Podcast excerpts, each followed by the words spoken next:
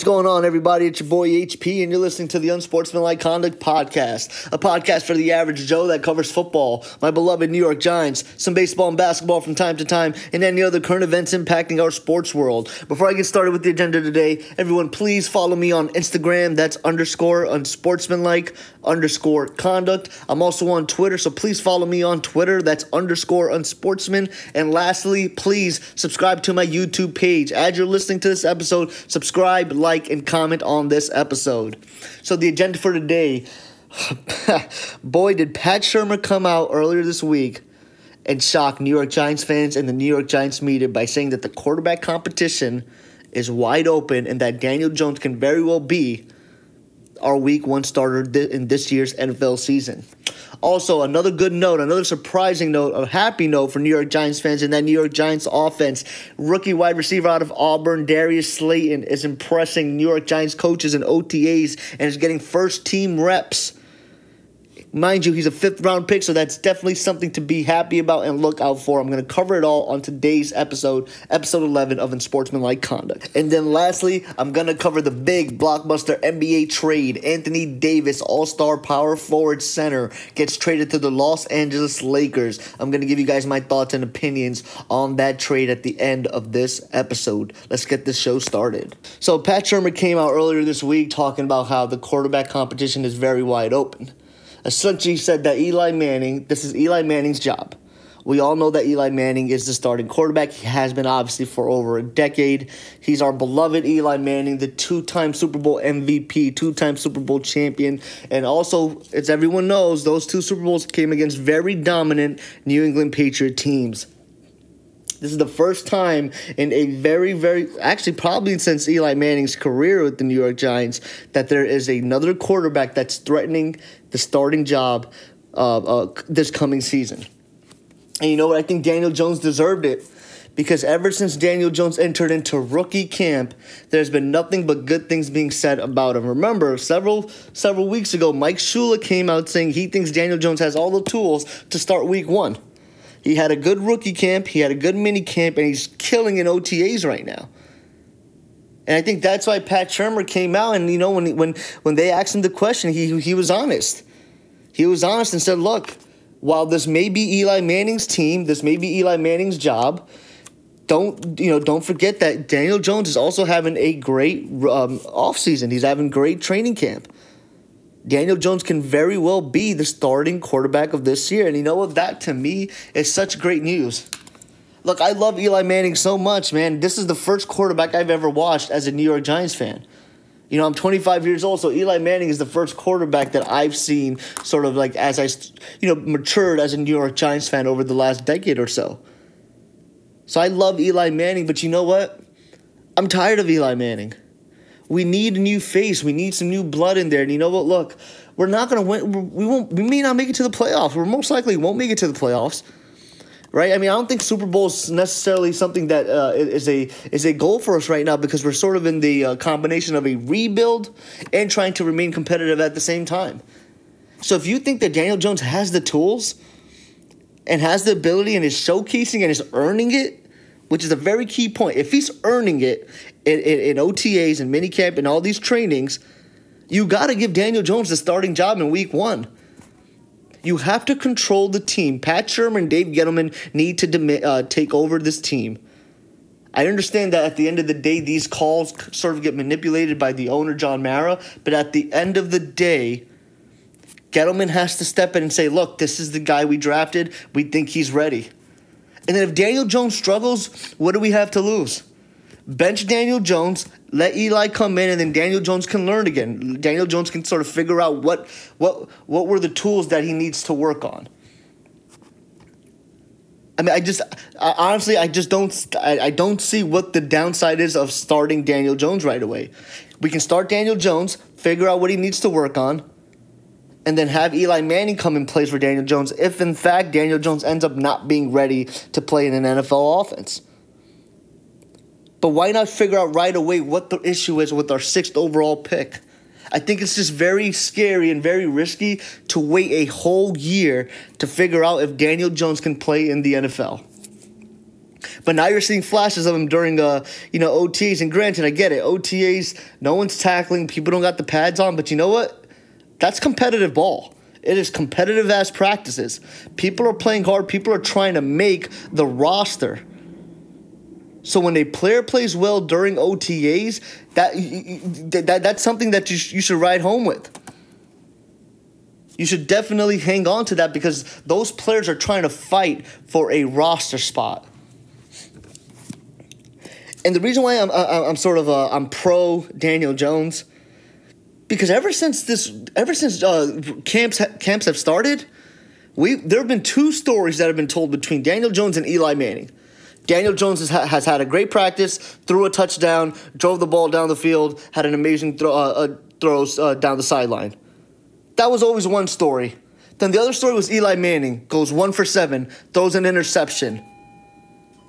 Daniel Jones is outplaying Eli Manning. I mean, that's been the story so far ever since camp has started, ever since practices have started.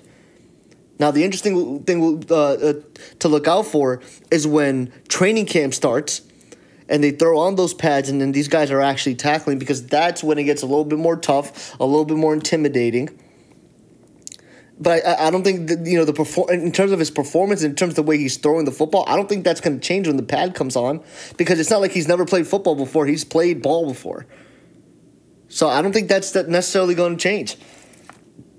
I honestly, you know, what do we get with starting Eli Manning this year? For, in order for our organization to move forward and figure out whether we have our future quarterback, if Dan to, to find out if Daniel Jones is the future of our team, how does starting Eli Manning this year allow us to do that? If we start Daniel Jones this year, this is what will happen. Either Daniel Jones plays well which if we look at the uh, you know almost the last five years or so, rookie quarterbacks over the last couple of years have came in and have done really well immediately for their teams. And some of these teams haven't had complete offensive lines, complete wide receiver weapons, or or or as good of running backs like say Saquon Barkley.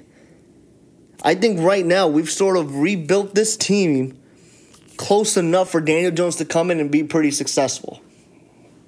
Now, I know I was very critical of this Daniel Jones pick, but you know what? I'm becoming a fan because he's wowing people in, in camp, in these practices. And I'm looking at this tape that the New York Giants are posting on Twitter. He looks great, man. The way the ball comes out of his hands, it looks really, really good. And he's a scrambler. I mean, Pat Shurmur can be so creative with Daniel Jones, can Daniel Jones can scramble with the football. I think I think you got to start Daniel Jones because the New York Giants need to figure out if Daniel Jones can do this or not. Because you know what? If maybe Daniel Jones isn't ready for the NFL. Maybe we need a plan B. But if we wait a whole year to find that out, that sets this franchise back another couple of years. Then who cares about the fact that we've had Saquon Barkley? Or that we re signed Sterling Shepard, or that Evan Engram may possibly be a top five tight end in the league? Or that we have this young core, this great core of uh, cornerbacks and uh, safeties. All of that doesn't matter. Even this completion of the offensive line that David uh, that Dave Gettleman rebuilt, the completion of this linebacking group that Dave Gettleman rebuilt, none of that matters if you don't have a quarterback under center that can lead this team to victories. All of that talent gets wasted. So why not find out right now? Whether we have an answer to Eli Manning, whether we have a successor to Eli Manning. Take advantage of that now, especially because you are seeing signs that Daniel Jones can be successful if given the opportunity. Which is going to lead to my next point, which I've stressed several, several episodes ago. Shortly after offensive coordinator Mike Shula came out saying that he thinks Daniel Jones has all the tools to start week one as the uh, New York Giants NFL quarterback I said, okay, if you think that, give him reps with the first team. That's what they're not doing right now. I don't think he's Daniel Jones is completely getting reps with the first team or against the first team defense. That's what you got to do. You really want to find out where he stands. Do that. And preseason's right around the corner. We're in mid June right now. Uh, uh, you, you know, and then once, you know, preseason's right around the corner. Starts in August. August is going to come like like like that. It's going to come over everyone's head. You have a month and a half to figure out whether you can give Daniel Jones in preseason legitimate first team snaps. Make him play the whole goddamn game if you have to. We need to figure it out. What does Eli Manning need to play in preseason for? I think he sat out last preseason because they understood, well, there's no point of playing Eli Manning anyways. How long has Eli Manning been uh, in the NFL? What, 18 years? I don't think an 18 year quarterback needs to be playing in a preseason game. I think he go. I, I think he gets the offense. You know, you're gonna you get what you get with Eli Manning at this point. Preseason is to figure out and evaluate new talent, additional talent, and that'll be the perfect time. Icing on the cake, cherry on the top. Okay, because First, it started off with Mike Shula, their offensive coordinator, thinking that Daniel Jones can start week one, and now it's the head coach. And folks, for those of you who don't know how, how big this announcement was, how big that statement is, the head coach is the one that makes the decisions. So I was upset when Mike Shula said it because he was an offensive coordinator, and Mike Shula can't make decisions. He's a play caller. Pat Shurmur can throw freaking Saquon Barkley as a quarterback. Mike Shula has no. Uh, Mike Shula has to, you know, make sure that Saquon Barkley can be a successful quarterback. Like that's sort of how uh, teams are structured in the NFL. While you have play, while you have coaches who are in charge of calling the offensive plays, defensive plays, the head coach is ultimately responsible for personnel. Who starts? Who's on the bench? Where do players align? Uh, where where should players line up? And at which positions. That's the head coach. So now that Pat Shurmur, the head, the, head honcho, he's saying that Daniel Jones can start. I mean, come on. Then what are you guys waiting for? Don't beat about don't beat around the bush. And look, all these look, you New York Giants fans know every single interview that Pat Shurmur does, he's very high level, he's very general. He doesn't like to play into the questions of the media. He he's always sort of short with his answers, very political. This was the first time I've heard Pat Shurmur actually give some details, not beat around the bush. It's great news, and I'm very, very excited. I mean, man, this is an exciting offseason for New York Giants fans. We have a quarterback battle for the very first time in Eli Manning's career whether you're a diehard Eli Manning fan that and you love him so much and this is hurting your feelings, you got to throw all that away because this is a storyline.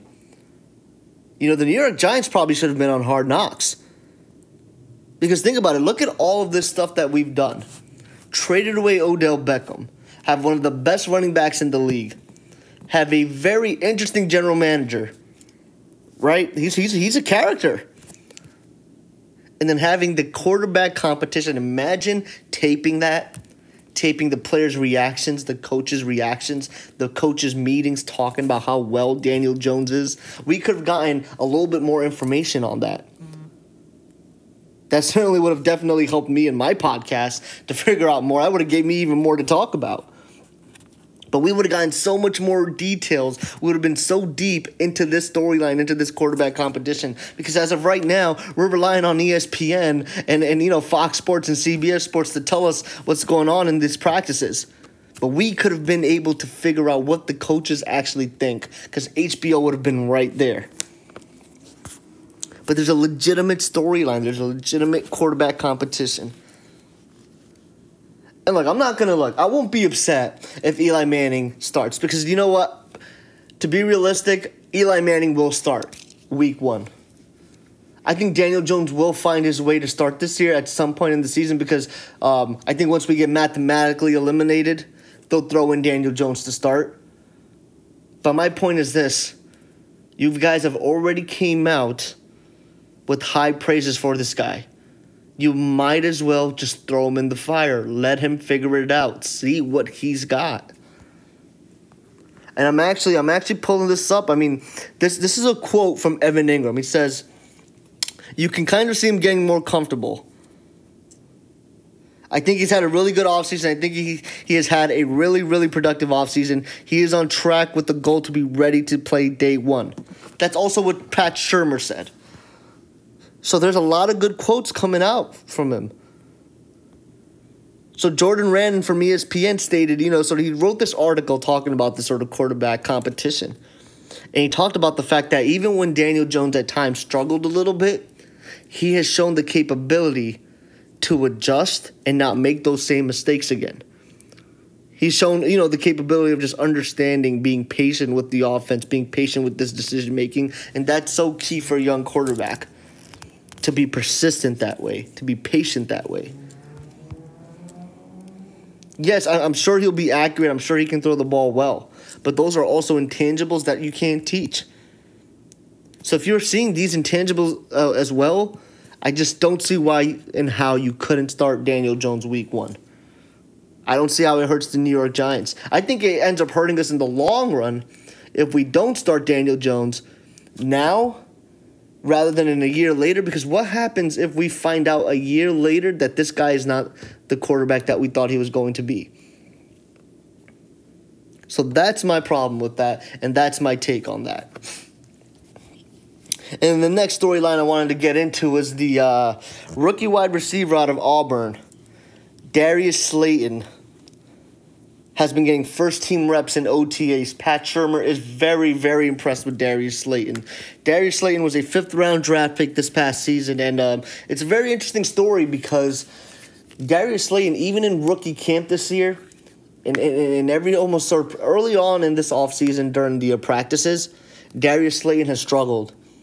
There have been tapes of him dropping the ball, you know, sort of like giving up on, on, on routes as well but he's made up for it and he's shown that he can be a legitimate threat and a legitimate offensive starter this year. I mean, if you're getting first team reps, you're playing with Eli Manning. I mean, he's also playing equally with Daniel Jones just from the tape that I've seen. But if you're getting first team reps, man, that is a great sign. And if you can get that value from a fifth round draft pick, then you've hit it on the money. I mean, Gettleman has hit it on the money. If Pat Shurmur came, Pat Shurmur legitimately came out saying that he is impressed with uh, Darius Slayton. And I think we can use Darius Slayton in a lot of creative ways. I think we'll obviously use him in special teams. And granted, he didn't have the same 40 time as DeSean Jackson, but he can be our DeSean Jackson. Maybe this is the guy that's our deep threat. Maybe this is the guy where we use in trips bunches. And, uh, you know, we use him in trip bunch of formations and we confuse the crap out of defenses. We have Golden Tate running a, a, hitch route. Have a, a uh, have Shepard running a slant route, and then we have um, Darius Slayton running a go route. You know how hard that's going to be to defend. And then, not to mention uh, Evan Engram on the other end of the ball, uh, on the other end of the line, lining up, ready to catch that pass. So this is really, really good news for New York Giants fans because now it looks like maybe our passing game is coming into fruition. And you know what? Maybe maybe we may not miss Odell Beckham this year. Maybe that maybe that trade isn't as bad as we thought it was uh, when he first got traded.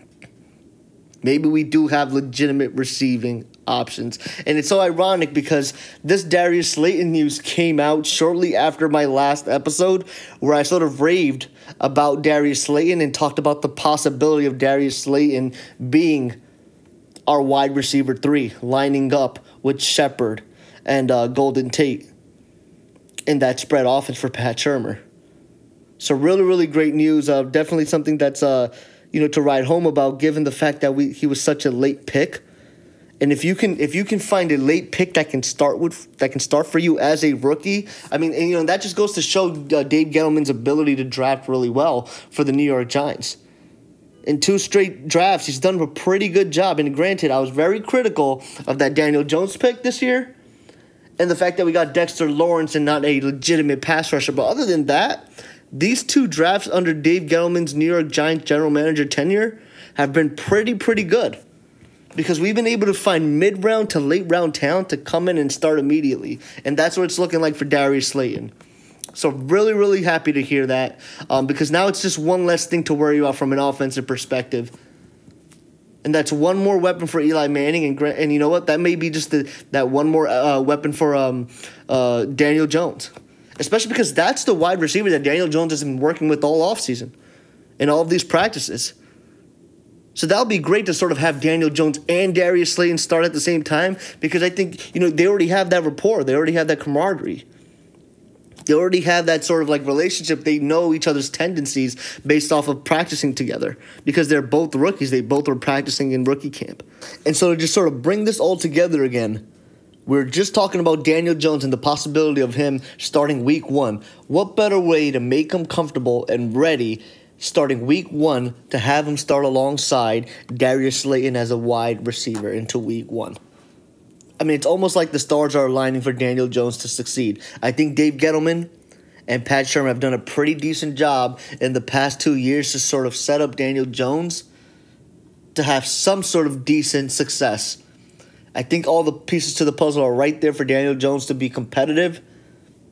And so, you know, again, you know, this is just one of those wait and see games, wait and see type of moments. But I, I am all in for letting Daniel Jones taking over Eli's starting quarterback job week one. And then the next topic to close off this podcast, I want to talk about the big blockbuster NBA trade. The New Orleans Pelicans traded Anthony Davis to the Los Angeles Lakers for Lonzo Ball, Josh Hart, Brandon Ingram, and the fourth overall pick.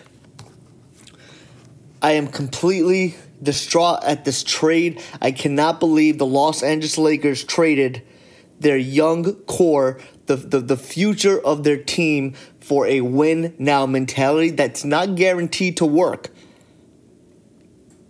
Okay, you trade a good point guard, Alonzo Ball, Uh, a, a, a, transcending player in Brandon Ingram. Josh Hart was a great role player for the Los Angeles Lakers team, and you're trading away the fourth overall pick. You're trading literally youth for what? A small window of success that's not necessarily guaranteed. I mean, think about it. The only reason why they traded for Anthony Davis is to win a championship. Anything less of a championship is a failure. So they traded away their future in hopes of winning a championship, but it isn't guaranteed. Who knows how this is going to play out? Remember, a couple of weeks ago, I released an episode about how I stopped liking the NBA, how the NBA has gotten boring because of these super teams. And in doing so, I explained why trading this core, those same core pieces, for Anthony Davis would be a big mistake. And, you know, behold, uh, Jeanie Buss trades those same pieces for Anthony Davis. Such a big mistake, and I and mark my words, the Los Angeles Lakers will not win a championship because of this trade. What I will guarantee is that the Pelicans will be in contention for an NBA championship within two to three years. You have a transcending point guard with Lonzo Ball, a transcending wing player, Brandon Ingram, a great role player with Josh Hart. We all know that the Pelicans are going to draft Zion Williams with the number one overall pick. And then they also got the fourth overall pick as a result of that trade. So now they have the potential to get another wing player, possibly RJ Barrett. So now they have this core young nucleus of studs, a deep backcourt, and a deep set of wing players. Not to mention, they have Jrue Holiday, who is a great veteran point guard presence for Lonzo Ball. That's exactly who Lonzo Ball needed. And I know that uh, Rajon Rondo was on the Los Angeles Lakers and and uh, he was playing with uh, Lonzo Ball, but they brought in Rajon Rondo to start. I know for a fact that when Lonzo Ball gets acclimated to the Pelicans offense, Lonzo Ball will take over that offense. Jrue Holiday will be that veteran presence that he that uh, Lonzo Ball needed. In a couple of years, this team is going to be primed to win an NBA championship. But I don't think the Los Angeles Lakers will win a championship as a result of this trade. Trading young core talent is a is not a recipe for sustainability. NBA teams need to follow similar recipes like the NFL, where the NFL build through the draft and then certain methodical free agent uh, signings to address weaknesses. And, and the NBA has shown that that's possible, that you could do that. Look at the Denver Nuggets, look at the Portland Trailblazers, and obviously the key example is the Golden State Warriors. Look at the Milwaukee Bucks.